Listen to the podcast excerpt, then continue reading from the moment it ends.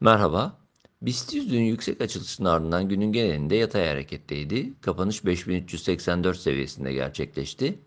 Endekste kısa vadeli ortalamalar üzerine geri dönüş sonrası olumlu teknik görünüm korunuyor. Yakın direnç bölgesi olarak değerlendirdiğimiz 5340-5350 bölgesi üzerindeki kapanışa da bağlı olarak yükseliş yönlü beklentinin korunduğunu belirtebiliriz.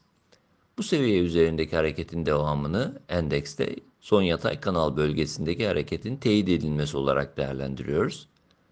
Bu paralelde bandın üst sınırı olan 5650-5660 bölgesine yönelik hareketin de devamı beklenebilir.